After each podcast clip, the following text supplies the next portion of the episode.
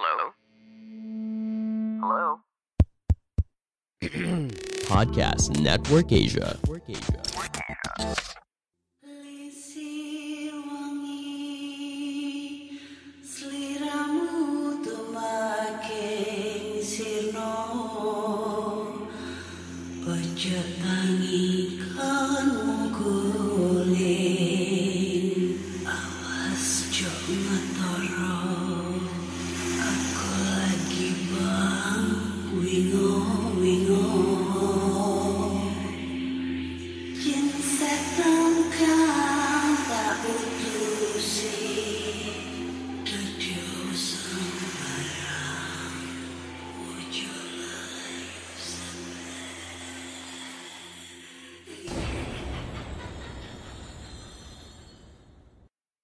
Hai Re, iya apa kabar Re? Hmm. Ketemu lagi dengan aku si Ana di podcast kisah horor. Kita bertemu di episode berapa ya? Gak tahu. Ha. Dan di episode kali ini aku akan membacakan cerita horor ataupun email berhantu yang sudah dikirimkan teman-teman melalui podcast kisah horor at gmail.com atau di Instagram podcast kisah horor serta Google Form yang linknya tersedia di bio Instagram podcast kisah horor banyak banget nih yang nge-DM aku. Ya kangen ya. Kangen ya sama gue ya karena udah seminggu ya nggak update cerita horor nih ya. Ya gimana mau update? Karena gue jujur aja akhir-akhir ini agak stres banget. Stres masalah kerjaan masalah pribadi terus di satu sisi lain nih ya setiap gue mau typing nih gue selalu dihantuin bunyi lato-lato. Kalau kalau gue sih bilangnya bukan lato-lato ya etek-etek etek-etek lagi. Ya soalnya kan bunyinya etek-etek etek-etek etek-etek etek gitu gitulah pokoknya. Itu stres banget sumpah. Anjing. Mau pagi siang malam sore subuh tengah malam bahkan itu loh masih ada yang main begituan. Buset dah. Gue stres banget sumpah. Ini ini gue stresnya tuh gara-gara kenapa ya di setiap tempat di setiap tempat gue berpijak nih kaki berpijak itu pasti banyak banget suara etek-etek. Jangankan di lokasi ya di jalan. Kemarin tuh gue ngeliat ya pas gue berangkat kerja gitu ya. Di jalan dia lagi dibonceng sama emaknya. Dia main lato-lato di atas motor gila. Nih saking apanya gitu loh. Sebenarnya main permainan lato-lato itu udah ada di zaman gue ya di tahun 90-an itu 80 90-an itu udah ada yang namanya lato-lato. Cuma gak seviral kayak sekarang gitu loh. Bahkan kema kemarin gue lihat di berita itu ada yang sampai matanya itu eh, hancur gara-gara kehantam bolanya lato-lato itu. Akhirnya dia buta sebelah bahaya kan? Sampai aduh ada kompet kompetensi kompetensi. Apa sih kompetisi kok ngomong kompetisi aja susah banget kompetensi. Kompetisi lato-lato. Di salah satu mall di Surabaya. Dan itu ada hadiahnya. Gila nggak? Seviral apa seperti itu? Ini kenapa ya kok bisa viral gitu? Gue nggak tahu gitu loh. Terus di satu sisi lain juga kemarin orang tua gue juga sakit. Jadi mau nggak mau uh, gue harus ngejaga terus eh, nggak ada waktu buat typing gitu. Gitu dah. Terus gue juga mau ngasih tahu nih ya karena sebentar lagi di tanggal 13 Januari 2023 Certin Friday ini bakal ada podcast terbaru kita nih antara gue sama Mr. Popo. Nah Podcastnya ini judulnya eh, ada mereka di sekitar kita. Nah ini ob, eh, podcastnya obrolan tentang eh, seputar makhluk tak kasat mata di sekitar kita ya. Kalian penasaran kan? Gue juga penasaran karena gue belum ngedengerin.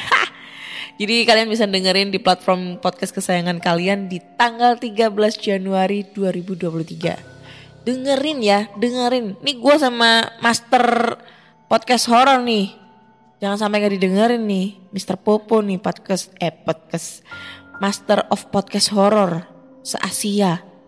Ya, dengerin nih, pantengin terus. tanggal 13 Januari. Oke? Nah. Oke deh.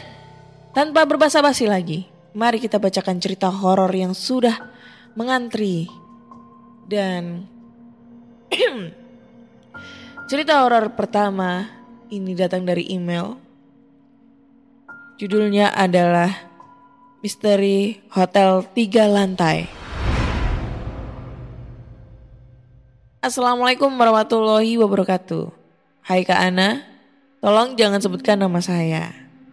Karena saya tidak ingin uh, teman-teman kerja saya tahu kalau saya bercerita tentang pengalaman horor nih pada saat saya bekerja di suatu hotel. Dan saat ini saya juga masih kerja di situ. Gitu. Jadi sebagai awal kata, uh, aku nggak bermaksud untuk menjelek-jelekan hotel ini. Jadi untuk nama hotelnya uh, aku samarin aja. Dan aku cuma nggak bisa ngasih clue kalau hotelnya itu ada di kota Malang, Jawa Timur.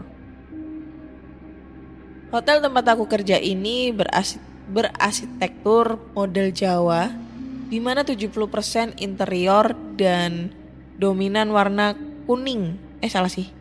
70 70% interior dan eksterior. Maaf. Dilapisi dengan gebyok semacam ukiran-ukiran kayu dan lampu penerang dominan warna kuning redup. Sudah bisa kebayang ya gimana suasananya dan pasti nih eh, pendengar podcast kisah horor yang domisili Malang nih pasti udah tahu lokasinya di mana. Aktivitas mistis di hotel ini bukan saja mengganggu para karyawan, tapi juga mulai dari anak magang yang sering kesurupan, bahkan tamu juga yang merasakan suara gaduh dan penampakan di dalam kamar. Namun yang aku share kali ini berdasarkan pengalaman pribadi dan teman-teman tempat satu kerja. Oke, yang pertama itu kak ada di lobby atau front office. Jadi ini benar-benar pengalaman pribadi aku. Waktu kejadian, aku ke bagian shift malam. Kira-kira jam 2 malam aku keliling gedung dan koridor hotel buat matiin semua lampu dan yang menyala cuma lampu utama saja. Setelah selesai aku menuju lobi hotel. Di situ teman aku sebut saja namanya Dika yang kebetulan sama-sama shift malam lagi tidur-tiduran di sofa. Kami pun nonton TV di lobi hotel dengan kondisi gelap Cuma ada cahaya dari TV, komputer VO, dan lampu sorot saja. Waktu itu sa sampai sekitar jam 3, aku lihat si Dika udah tertidur duluan. Akhirnya TV aku matiin dalam kondisi duduk, rebahan, tanpa sengaja. Pandangan aku melihat ke arah meja besar di tengah lobi hotel. Mejanya bulat besar dan di atas meja dibuat tempat bonsai beringin. Saat tatapan aku pas tertuju ke situ, nampak sebuah bayangan putih besar dan tinggi hampir setinggi langit-langit bangunan. Aku mau teriak gak bisa. Mau baca ayat-ayat Al-Quran juga gak bisa. Dan badan aku seperti gak bisa bergerak. Dengan suara lirih, ku coba manggil temen aku si Dika, uh, seperti apa yang tertidur. Dia menjawab, "Opo mas?" Yang artinya apa mas? Tapi ku, tapi aku cuma bisa ngomong, Dika, Dika, Dika. Dan anehnya, temen aku si Dika, dia nggak bangun, cuma ngejawab sambil matanya terpejam. Penampakan itu hampir lima menitan sampai akhirnya makhluk itu menghilang. Baru aku bisa gerak dan si Dika juga bangun. Terus kami nyalakan semua lampu, TV, dan kami tidak tidur sampai pagi. Saat pagi hari, Dika aku tanyain, Eh, bro, ente gak bangun-bangun pas tak panggil semalam? Dika malah bilang, kalau dia juga melihat penampakan yang sama sebelum aku memanggil namanya. Kalau melihat bentuknya makhluk itu mirip sama pocong, namun besar dengan muka yang gak jelas.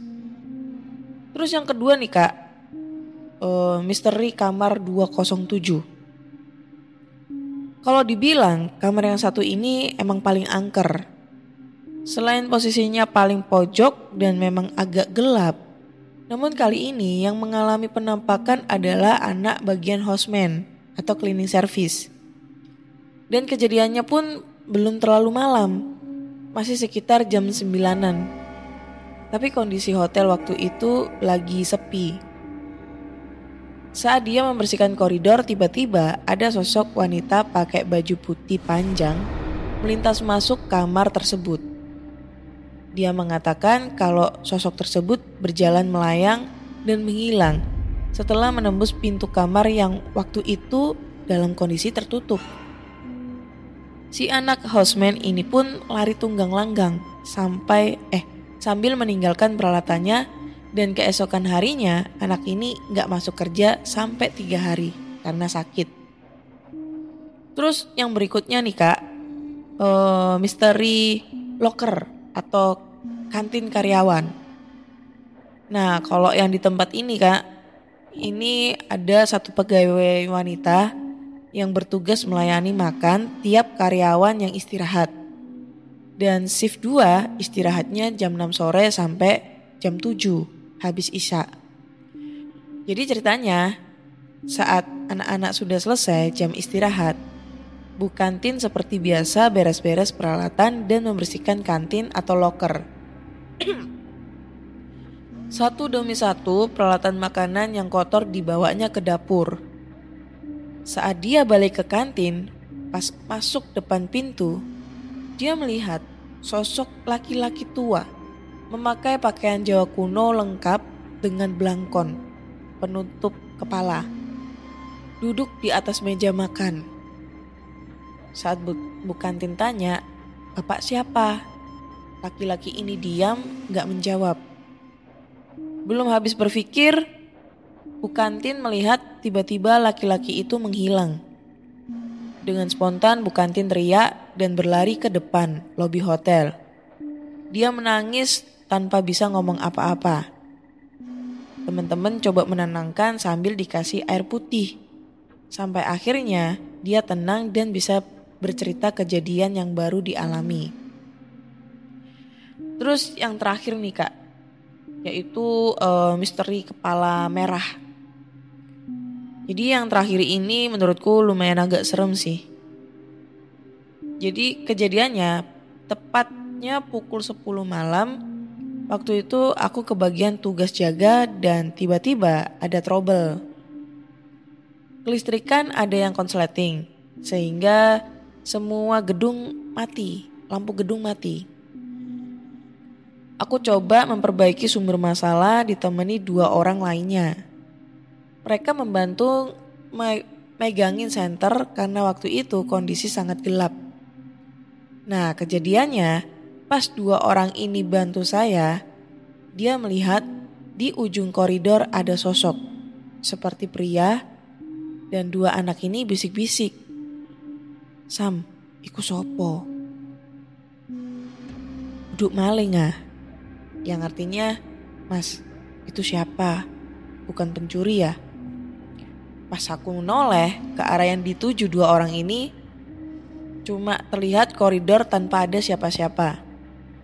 Terus aku jawab, halah, kok ono sopo-sopo kok. Yang artinya, walah, nggak ada siapa-siapa kok. Dan dua teman saya ini pun terdiam.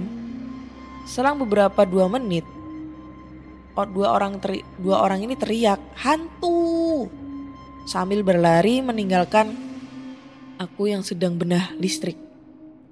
Aku yang nggak tahu apa-apa ikutan berlari dan ngejar dua anak ini yang waktu itu berlari ke arah tandon air.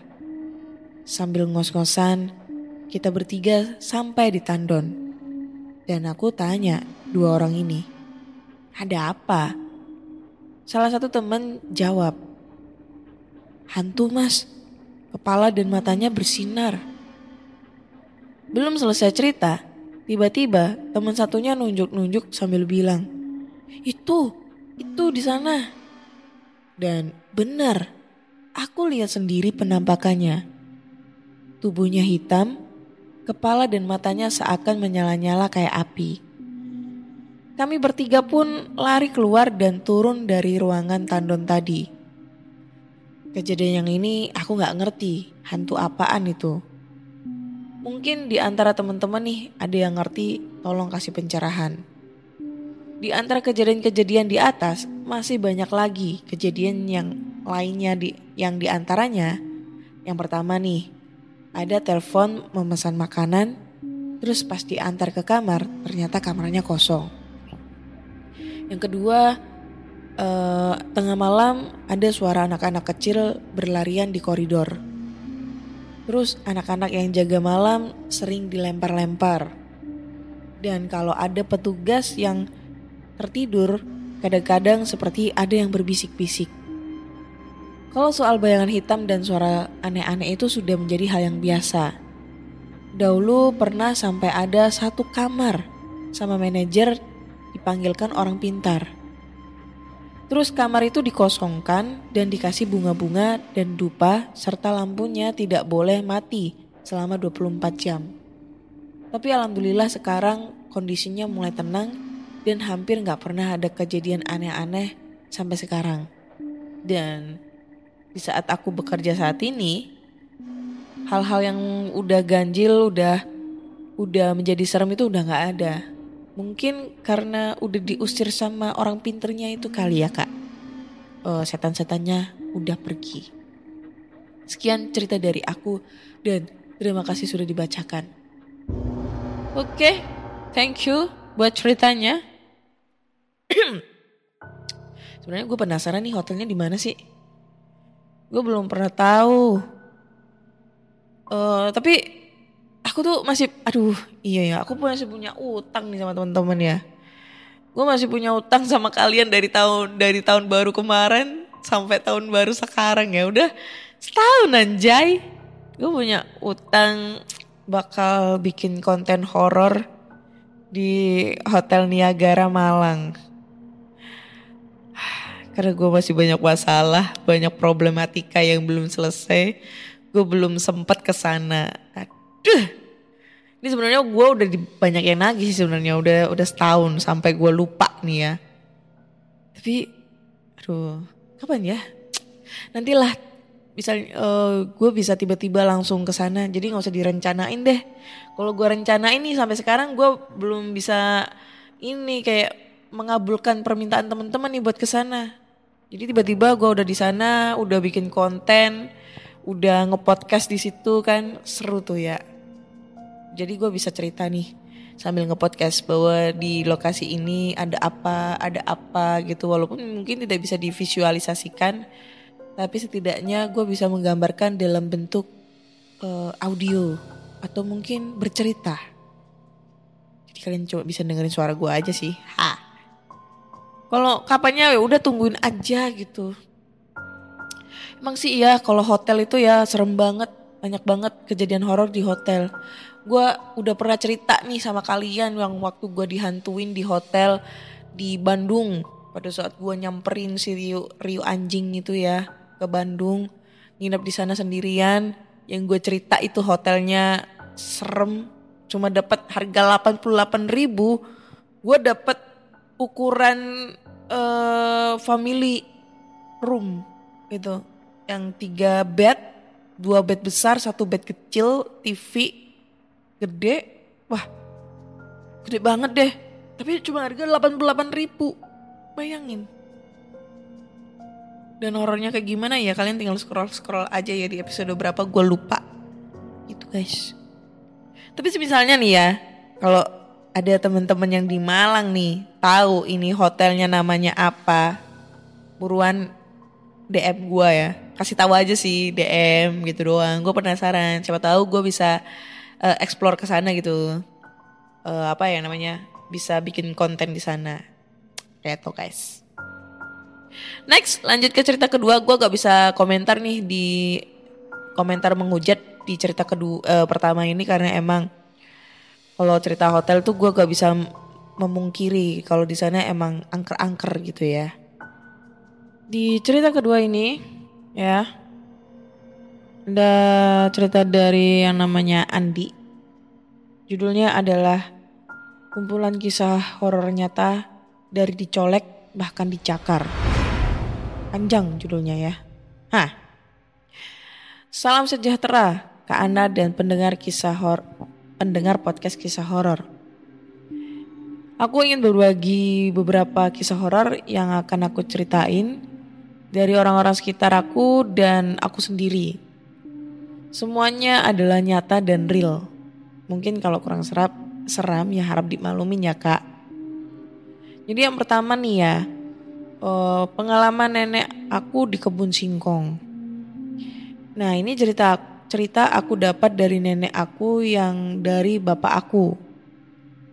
Ketimbang dibilang horor, ini cerita lebih pas dibilang konyol. Jadi ini cerita itu waktu tahun 80-an gitu. Aku aja belum lahir waktu itu. Zamannya listrik masih langka di desa. Jadi waktu itu nenek aku bangun tidur subuh sekitar jam 4 atau 5an gitu. Dan kebiasaan setiap menjelang fajar, nenek aku selalu nyapu pekarangan rumah terutama halaman depan. Yang aku bingung nih, kok tuh nenek aku berani banget ya. Masih gelap, udah nyapu pekarangan. Secara kan pekarangan rumahnya kan luas banget. Ditambah belum ada listrik. Dan pekarangannya itu dipenuhi pohon-pohon besar. Belum lagi uh, rumah-rumah tetangga masih berjauhan waktu itu. Nggak kayak sekarang. Nah ceritanya dimulai waktu waktu nenek aku nyapu halamannya ini. Jadi halaman depan yang lumayan luas itu dijadiin kebun singkong. Hmm. Dan ceritanya udah siap panen. Awalnya sih nenek aku nggak punya firasat apa-apa waktu nyapu. Tapi tiba-tiba nenek aku lihat ada bapak-bapak setengah baya pakai kaos oblong hitam dan celana kolor sedengkul hitam juga. Terus tuh bapak-bapak pakai caping, sejenis topi bundar yang biasa dipakai petani. Tuh bapak-bapak berjalan ngeloyor begitu aja di depan nenek aku tanpa menoleh ataupun menyapa. Nenek aku yang rada-rada bengong and speechless gitu. Bertanya-tanya dalam hatinya. Kayaknya dia gak pernah kenal sama sosok bapak-bapak tadi. Dan anehnya lagi, itu bapak-bapak berhenti di kebun singkong. Dan tahu apa yang terjadi kak. Dengan pedenya, tuh bapak-bapak mencabut salah satu pohon singkong. Lalu dia pikul itu pohon singkong beserta isi singkongnya yang sudah besar-besar. Sontak nenek aku langsung teriak-teriak. Tolong, tolong, ada maling, ada maling nyolong ketelaku gitu kan. Nyolong singkongku. Nenek aku teriak sekenceng-kencengnya. Berulang-ulang kali. Akhirnya tetangga nenek aku yang terdekat, rumahnya berjarak sekitar 50 meter dari rumah nenek aku, ada yang keluar sambil bawa golok. Mana malingnya? tak tebas gulune kene. Endi wonge? Dan adegan konyolnya, itu bapak-bapak yang nyuri singkong dengan santainya berjalan ngelewatin depannya tetangga nenek aku. Tapi nenek aku itu sama sekali gak bisa lihat orangnya. Iki, orangnya lewat di depanmu. Mana, mana? Tetangga nenek aku hanya celingak-celinguk sambil mengobang-abingkan goloknya. Dan bapak-bapak tadi masih santai terus jalan dan akhirnya menghilang di kegelapan. Nah singkat cerita, setelah Fajar datang, keadaan sudah mulai terang. Nenek aku dan tetangga-tetangganya yang masih heboh dengan kejadian barusan, melihat pemandangan yang terpampang nyata.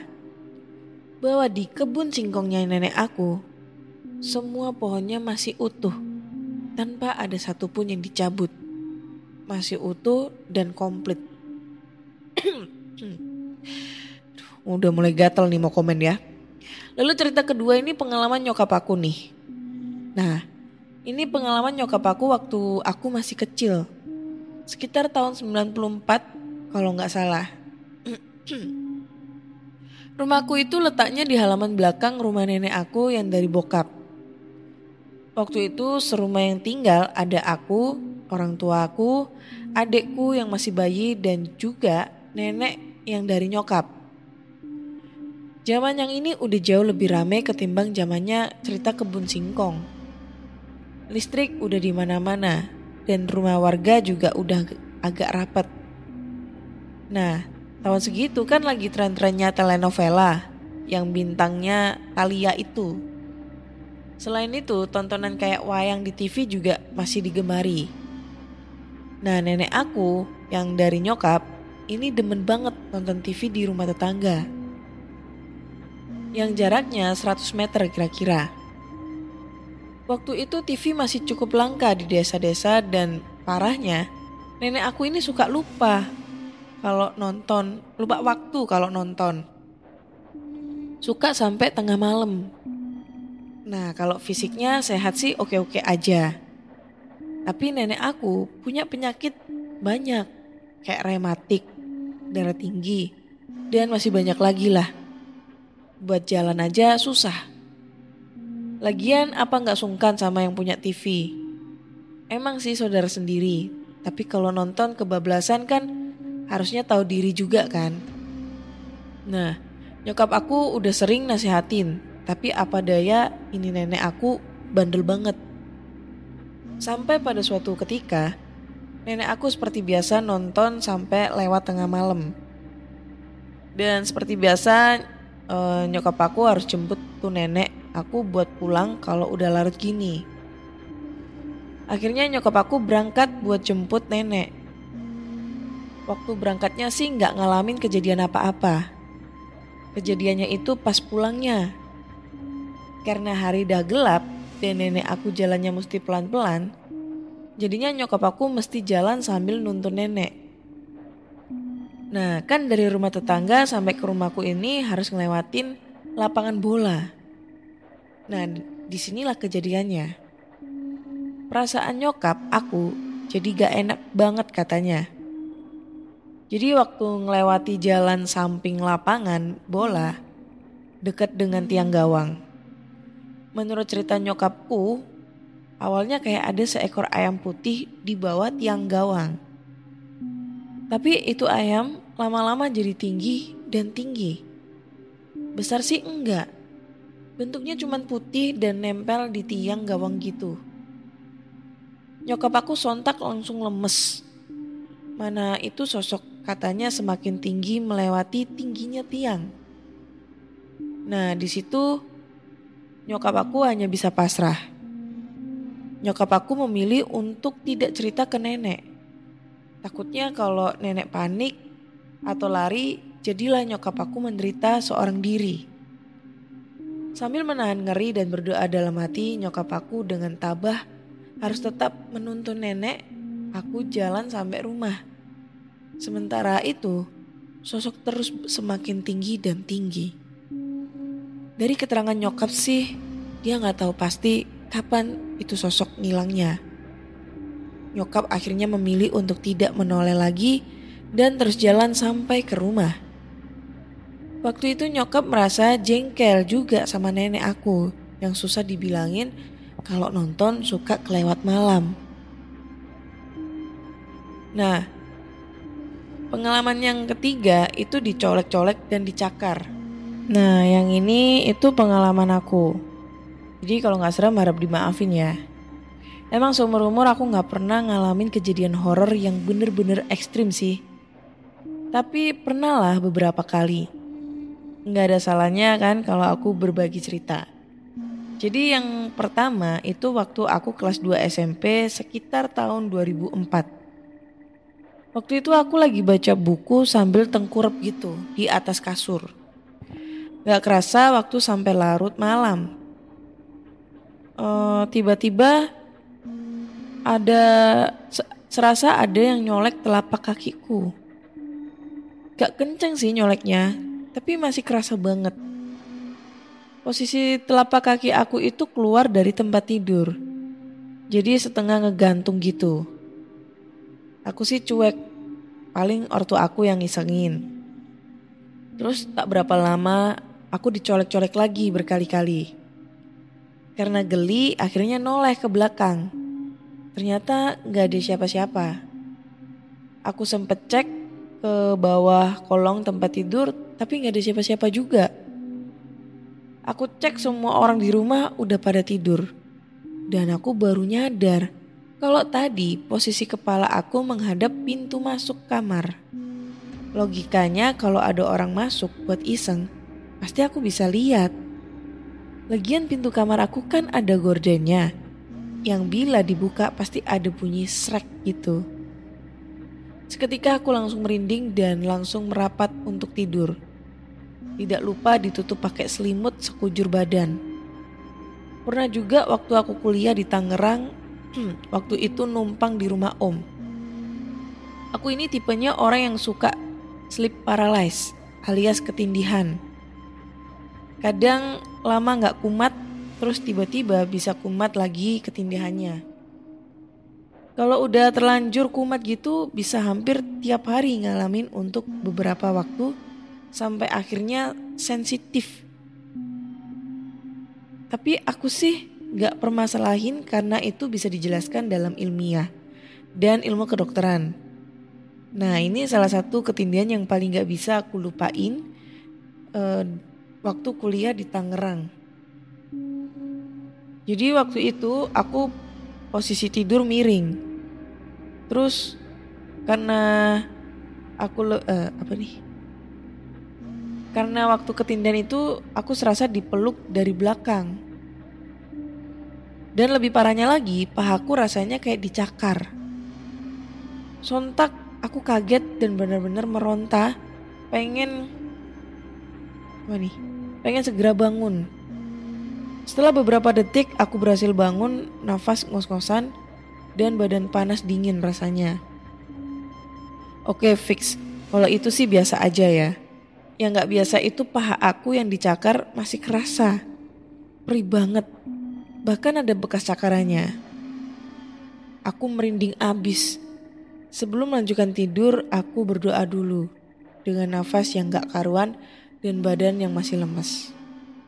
Oke kak, sementara itu dulu ceritaku. Semuanya real, gak ada kebohongan. Kalau ceritanya kurang serem ya maaf, aku gak pinter nulis cerita horor nih kak.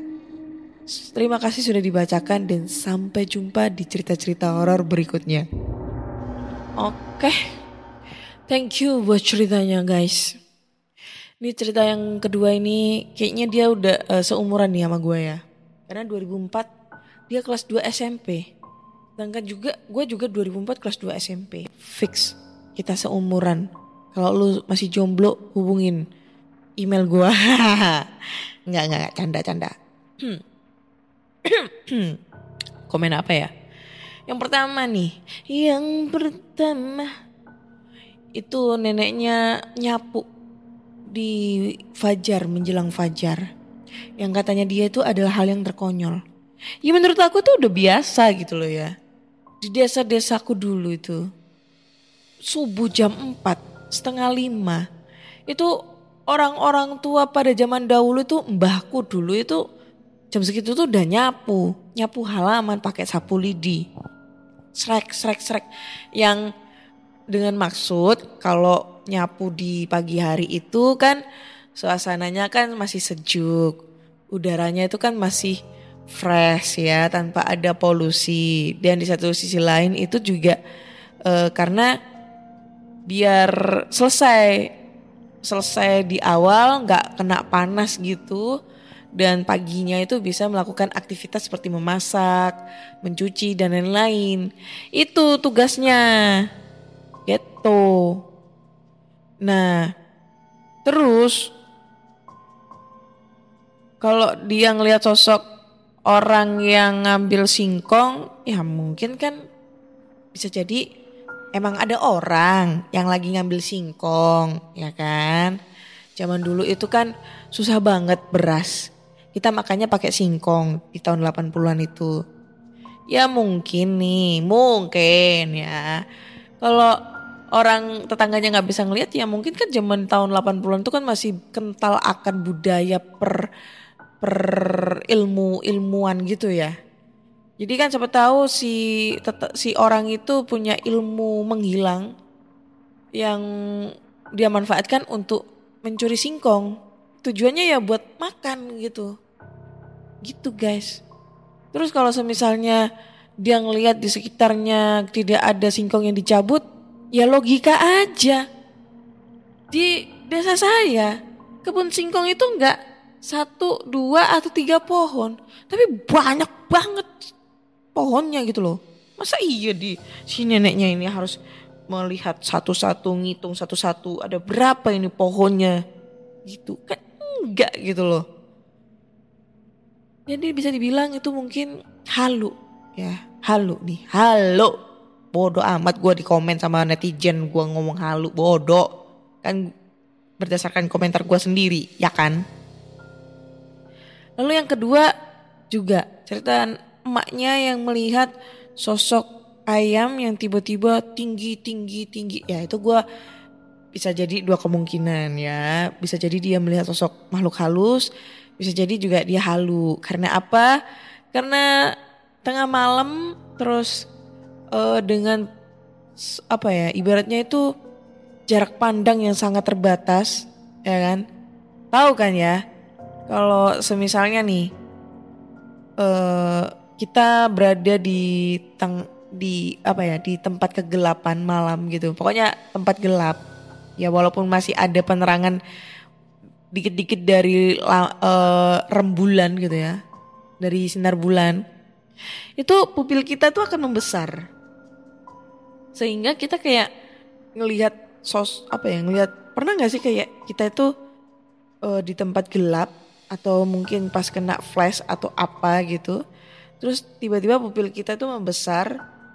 Abis itu eh ini kita kayak ngelihat bayangan bayangan bayangan gitu di mata kita. Tahu nggak sih? Aduh gue ngejelasinnya kayak gimana ya? Ya, intinya kayak gitulah. Itu bisa jadi itu yang dialamin sama emak lu gitu ya.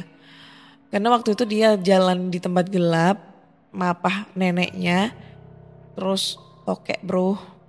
Habis itu karena pupilnya itu membesar jadinya dia tuh kayak ngelihat sos eh, bayangan-bayangan gitu di depan matanya. Nah itu yang dialamin sama emak lu gitu.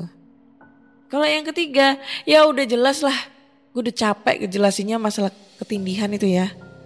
Dan dia juga udah sadar sendiri, sendiri itu bisa dijelaskan dengan eh, ilmu kedokteran gitu. Jadi gue gak usah ngejelasin lah ya yang ketiga jadi intinya cerita kedua ini agak sedikit halu. Gue nggak bilang ini banyak halu ya. Nanti gue di komen lagi sama netizen. Enggak, gue bilang ini agak sedikit halu. Gitu guys. Oke, bisa diterima penjelasan gue? Nggak bisa? Ya udah. Heh. Oke deh. Kayaknya udah cukup dulu uh, untuk di episode kali ini ya. Udah dua cerita yang aku bacain. Menurut kalian, cerita mana yang paling seram? Bisa langsung aja komen di kolom komentar di noise. Karena emang di noise kalian bisa langsung berkomentar. Jangan lupa dengerin podcast kisah horor di Spotify, Google Podcast, Apple Podcast, Noise, terus juga di Pogo, lagi lalu ada di Reso juga ya. Jangan lupa kasih bintang 5 nih buat podcast kisah horor di Spotify. Eh, dan jangan lupa nyalain notifikasi lonceng nih ya buat podcast kisah horor di Spotify, Google Podcast, Apple Podcast, ah, pokoknya di semuanya platform lah ya. Supaya kalian bisa langsung update nih cerita terbaru dari podcast kisah horor. Akhir kata saya Ana undur diri dan terima kasih sudah mendengarkan podcast kisah horor. Bye bye.